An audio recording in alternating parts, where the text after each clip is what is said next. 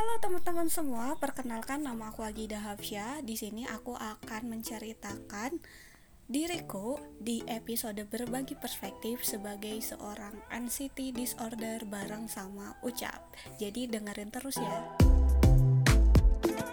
Oke, halo, balik lagi dengan gue Ijal di Ucap Podcast. Di kesempatan kali ini kita bakalan ngomongin seputar kesehatan mental nih sama Agida. Kita langsung aja ya ke pertanyaan pertama.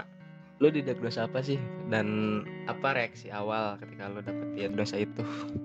Bulan yang lalu gue didiagnosa sebagai ngidap anxiety disorder. Dan reaksi gue pertama kali sebenarnya kan dua kali pemeriksaan satu kali di puskesmas untuk awalan screening gue ditetapkan sebagai uh, bipolar disorder terus gue pergi ke psikiater kirain gue gue bipolar karena tidak menanyakan itu karena kayak perasaan takut cemas males gitu. Terus uh, satu bulan gue merasa bahwa oh, oke okay, gue bipolar gitu. Terus pas gue mau check up ulang gue ngeliat kartu pemeriksaan gitu untuk bulan selanjutnya ternyata sebenarnya gue itu anxiety disorder dan perasaan gue ternyata sadar gue anxiety disorder ya sebenarnya memang gue ngerasa bahwa ya dalam arti tahun lalu pun gue ke psikolog eh, memang punya rasa kecemasan tapi nggak nggak belum dikatakan bahwa gue punya anxiety disorder gitu. Dan gue ngerasa bahwa oh ya memang memang ini gitu. Pada akhirnya ya setelah beberapa bulan uh, gue belajar beradaptasi dan akhirnya sampai saat ini gue mencoba untuk menerima keadaan aja gitu. Oke, okay. berat banget ya. Terus gini, gitu, uh, gue dan orang lain ya, yang orang yang ada di sekitar lo, khususnya yang udah nerima semua kondisi dan keadaan lo saat ini. Ada satu pertanyaan, kayak lu nya sendiri tuh udah nerima belum apa yang lu alamin kalau uh, dikatakan udah menerima belum, tentu belum ya. Karena Kenapa?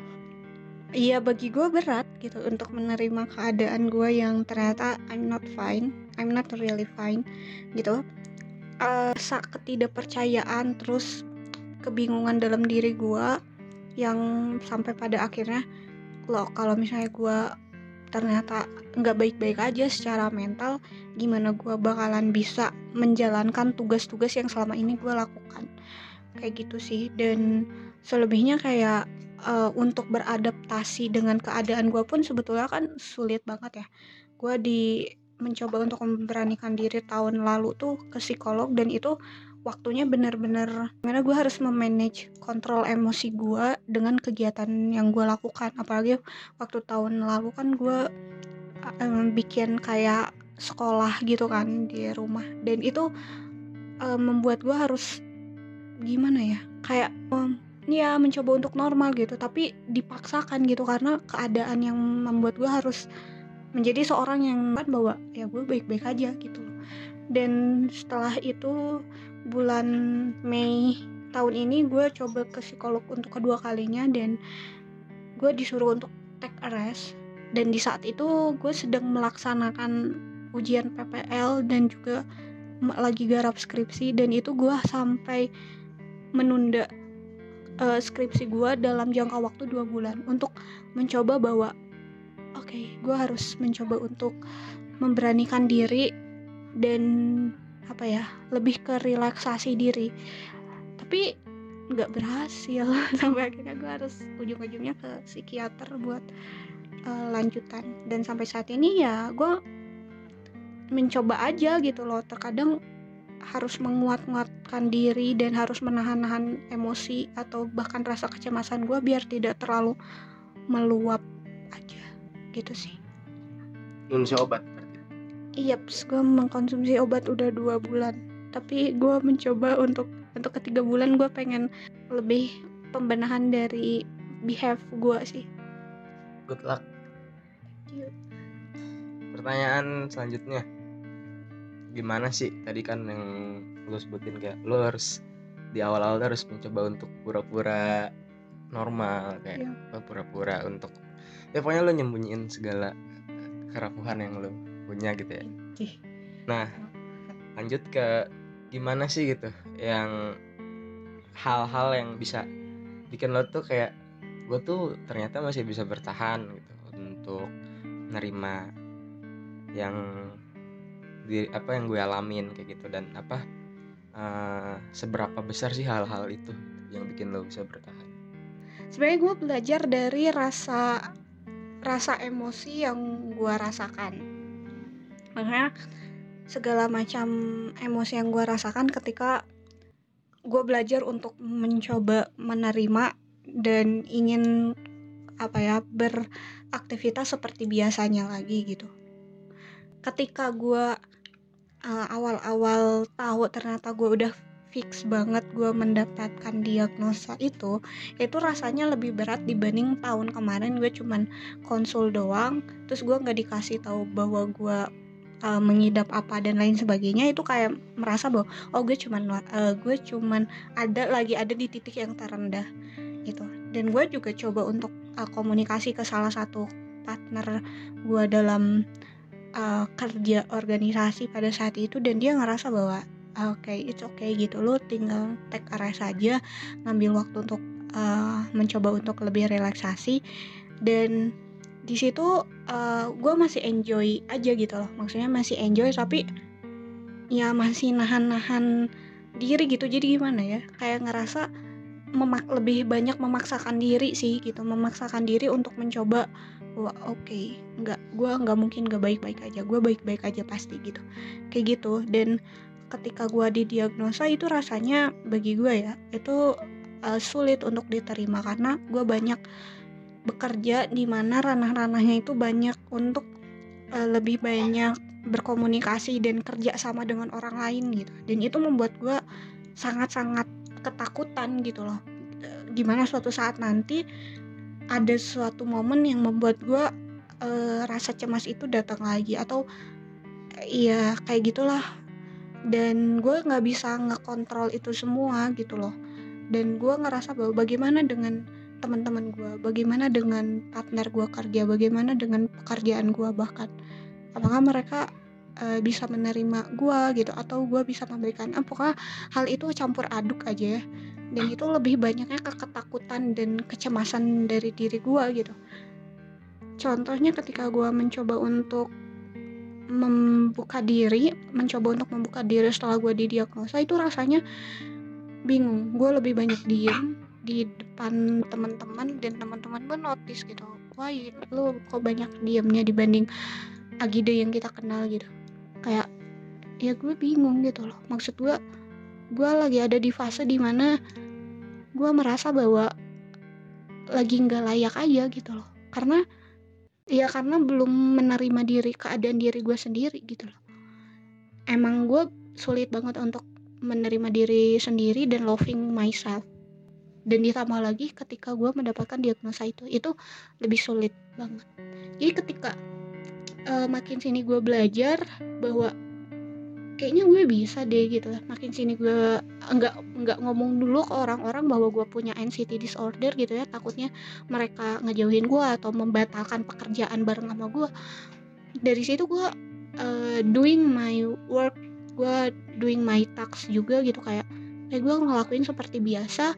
Dan uh, di situ gue mencoba untuk lebih banyak ngambil apa ya menjalankan advice advice yang dikasih dari psikolog gue ketika gue udah bingung udah cemas banget gue benar-benar ngejalanin apa yang uh, psikolog itu bilang ke gue gitu. Dan itu cukup membantu atau enggak gue minum obat. Itu kalau misalnya udah bingung banget gitu. Nah dari situ gue ngerasa bahwa oke okay, ada ada alternatif atau ada hal yang bisa gue membuat gue tenang lebih tenang lagi gitu dengan dua hal tersebut.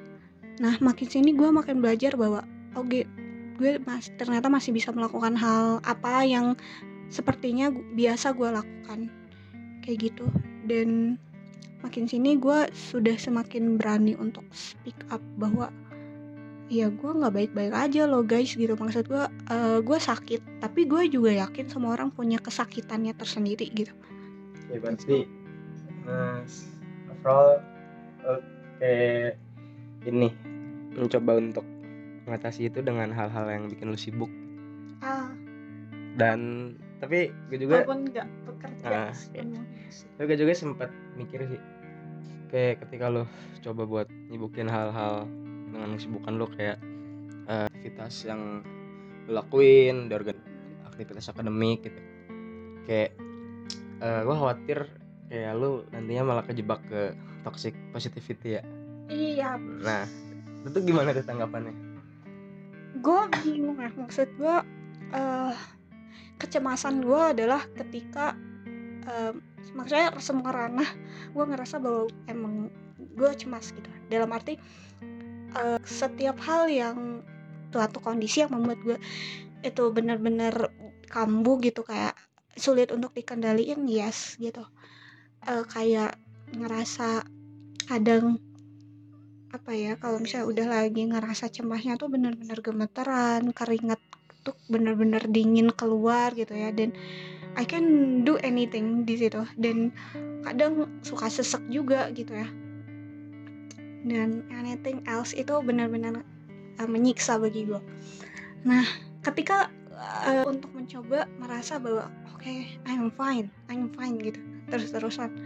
Itu emang lama-lama kayak lebih banyak memaksakan diri sendiri sih. Karena gue adalah tipe orang yang capaian dalam kehidupan gue itu benar-benar harus gue realisasikan dan harus gue laksanakan gitu. Nah karena gue tahu gue tuh kenal maksudnya gue kenal sama diri gue bahwa atas pencapaian diri gue achievement baik itu di dalam akademik ataupun anything else gitu ya yang berhubungan dengan kognitif gue ngerasa bahwa itu yang harus gue dapetin. Dan itu sumber permasalahan dari kecemasan itu sendiri gitu. Makanya gue sama sekali tidak pernah menyinggung ranah-ranah sosial ya. Karena gue ngerasa bahwa "I- ya guys please. Gue aja masih sibuk dengan kehidupan gue yang mencemaskan diri gue dalam hal pencapaian gitu loh untuk relationship untuk sosial gue kayak nggak mau ambil pusing gitu. Takutnya jadi permasalahan baru jadi makin banyak kan rasa kecemasan itu gitu. Nah tapi apa ya memang lama-lama tuh eh, pasti ada ya? pasti dalam arti gini loh. Psikolog gue tuh selalu bilang bahwa gue nih terlalu memaksakan segala sesuatu dan gue tidak pernah merasa bahwa itu cukup ya kenapa atau eh, karena gue ngerasa bahwa kegagalan adalah sebuah hal yang memalukan bagi pendapat gue ya. Jadi itu yang membuat gue terus berpacu sampai eh, gue nggak boleh istirahat sampai gue bisa mendapatkan itu gitu loh. Dan itu menjadi sumber ha, eh, rasa kecemasan gue gitu loh dan ketidak apa ya tidak menerima diri gue seutuhnya. Makanya gue lebih banyak disuruh untuk relax dan lu lebih banyak istirahat gitu seharusnya. Tapi kan eh, apa ya melakukan segala sesuatunya ya sekarang sebaik gue nya aja. Tadi kan juga ya, kayak ternyata ada hal yang apa suatu saat kayak bakalan ada hal yang pastinya nggak diharapin sama lu gitu ya yang terjadi gitu. Entah itu permasalahan apa pun gitu. Nah dari permasalahan yang satu saat akan melanda gitu ya, yang akan datang lu masih mau nyalahin diri sendiri? Ah, entah ya. Eh contohnya kayak kemarin aja. Gue sekarang lebih berani untuk bilang ke orang walaupun nggak secara langsung gue menunjukkan bahwa gue penyakitan gitu. Loh tapi lu jangan ambil pusing itu gitu. Karena gue bisa mengatasi itu sendiri walaupun nggak tahu juga. Maksud gue ya gue lagi mencoba untuk menerima diri gue ketika lu mempertanyakan loh git kok bisa? Kenapa? Gitu loh. Itu bakalan membuat gue makin ke pressure lagi dan sulit lagi gitu loh untuk memulai kepercayaan diri itu kayak contohnya kayak kemarin aja gue ikut lomba gue gagal. Eh, terus gue review yang juara satu juara dua juara tiga gue review semuanya. Gue ngerasa bahwa kesalahan gue adalah tidak menariknya judul itu. Dan gue bener-bener review balik-balik gitu. Maksud gue gue ngebandingin antar tul- tulisannya yang juara dengan tulisan gue gue ngerasa oke titik kelemahan gue apa? Dan itu tuh terus kepikiran sampai kok bisa lu nggak nggak kepikiran hal-hal yang kayak gini? Kok bisa lu sampai apa ya lost gitu hal-hal yang seperti ini gitu. Ya kecolongan dan lain sebagainya. Itu tuh memang sulit banget ya. Maksudnya sulit banget gue terima. Padahal mah ya kalau misalnya menurut orang-orang ya udah lagi gitu kan ya. Maksudnya semuanya juga ada waktunya. Nah gue tuh paling belum bisa menerima hal-hal yang kayak gitu. Maksud gue oh berarti ada kekurangan dalam diri gue tapi gue nggak dikasih tahu sama dewan jurinya apa yang menjadi uh, kelemah uh, apa kekurangan dua gue dan kelebihan yang juara satu gitu di letaknya tuh di mana? Nah di situ tuh mulai rasa kecemasan gue oh apakah gue nggak bisa nulis? Apakah gue sebenarnya orangnya tidak kreatif dan lain sebagainya? Ini gimana kalau misalnya suatu saat nanti lah sampai mikir-mikir yang kayak gitu kan. Kok bisa lu gitu nggak bisa kepikiran kayak gini kok emang lu bodoh emang lu kurang ya dalam masalah literasi gitu-gitu semuanya. Kebuka dan itu tuh baru kejadian satu minggu yang lalu gitu. Sekarang sih ya mungkin be better ya dibanding yang lalu-lalu gitu. Dan untuk ke depannya gue nggak pernah tahu ke depannya gue bakalan kayak gimana bersikap. Mungkin apabila kondisi itu benar-benar membuat gue benar-benar sulit masih sulit untuk menerima ya sepertinya gue bakalan terus menyalahkan diri gue sendiri gitu. Tapi dari mulai saat ini gue ngerasa bahwa gue lagi berusaha untuk tidak menyalahkan it diri gue sendiri. Karena gue udah kasihan sih sebetulnya ya di dalam diri gue gue udah kasihan sama diri gue sendiri gitu. But iya itu. Karena mungkin sisi manusia juga ya ada rasa ketidakpuasan dan arogansi yang kuat juga. Itu sih oke semoga ya awalan untuk saat ini ya jadi awalan yang baik uh, jadi lo depannya bisa ngilangin lah rasa nyalahin diri lo sendiri oke okay. hmm, lanjut nih pertanyaan terakhir oke okay. Gak kerasa ya kita ngobrol Iya tapi udah beberapa puluh menit juga ya. Pertanyaan terakhir lebih ke ini sih apa yang lo mau sampaikan ke orang-orang yang ada di sekitar lo, orang-orang yang bahkan lo nggak pernah ketemu dan dan orang-orang yang lo nggak kenal gitu, yang entah itu yang punya apa namanya yang uh, punya yang sama juga sama lo gitu atau mungkin orang yang kayak memang benar memang benar-benar normal gitu. Apa yang lo sampaikan ke mereka? Yang ingin gue sampaikan adalah banyak sih tapi beberapanya adalah gue tahu banyak di antara kalian yang sebetulnya juga merasakan rasa sakitnya tersendiri dengan tipenya yang berbeda-beda. Gue ngerasa bahwa ya manusia emang benar gak ada yang sempurna gitu loh. But sampai sejauh ini pun kita berdiri dengan kaki kita sendiri bagi gue itu hal yang begitu luar biasa uh, dalam dan buat orang-orang baik baik itu lu sama kayak gue punya mental illness ataupun enggak gitu ya. Sebenarnya gini kita enggak jangan pernah untuk meremehkan sebuah permasalahan atau menapikan emosi yang lagi kita rasain. Sok-sokan banget padahal gue juga masih pusing tapi ini advice buat kalian. Uh, kenapa? Karena bisa jadi apa yang lagi lu rasain itu belum bisa belum tentu gue bisa menghadapi itu dan mau menerima itu. Termasuk juga lu semua. Lu belum bisa belum tentu bisa maksud gue belum tentu bisa menjalani dan menerima hal yang lagi gue rasain gitu loh. So gue sih selalu mengkampanyekan untuk hidup saling menghargai itu loh. And that's itu benar-benar membuat gue pointing in this life adalah rasa humanity. Itu memang dan humanity rasa uh, kemanusiaan itu itu lahir dari rasa kesadaran yang harus dibangun dari tiap elemen gitu tiap individu. Dan bagi orang-orang yang suatu saat nanti ketemu sama gua atau melakukan pekerjaan bareng atau apa pun itu gua ngerasa bahwa I know I'm not fine. Tapi gila gak sih? Gue tahu gue nggak baik-baik aja tapi gue bisa mencapai ini. Gue ketika gue didiagnosa dan gue lagi down banget gue ternyata bisa kok selesai skripsian gitu kan ya. Uh, walaupun ya banyak hal dan gue uh, menunda itu selama dua bulan. Raga tahu iya. Ijal tahu banget kan.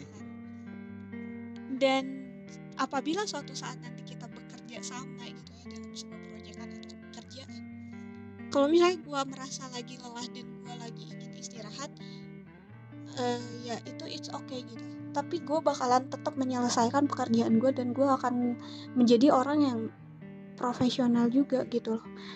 And don't worry dear gitu. Karena gue juga uh, ingin sembuh kok gitu.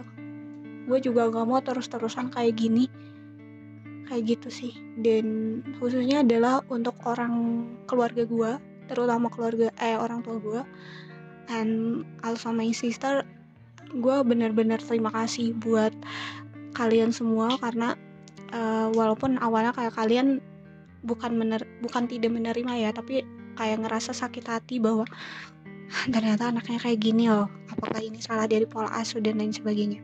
Gue ngerasain itu tapi kalian benar-benar uh, respect sama gue dan di situ kalian belajar bahwa oke okay, di situ tidak tidak mau ngejudge gue bahkan kayak support untuk sekarang bahwa kalau misalnya gue ngerasa lagi tired mereka langsung ngingetin kayak ya udah take rest aja deh nggak usah terlalu uh, dipacu lagi gitu ya.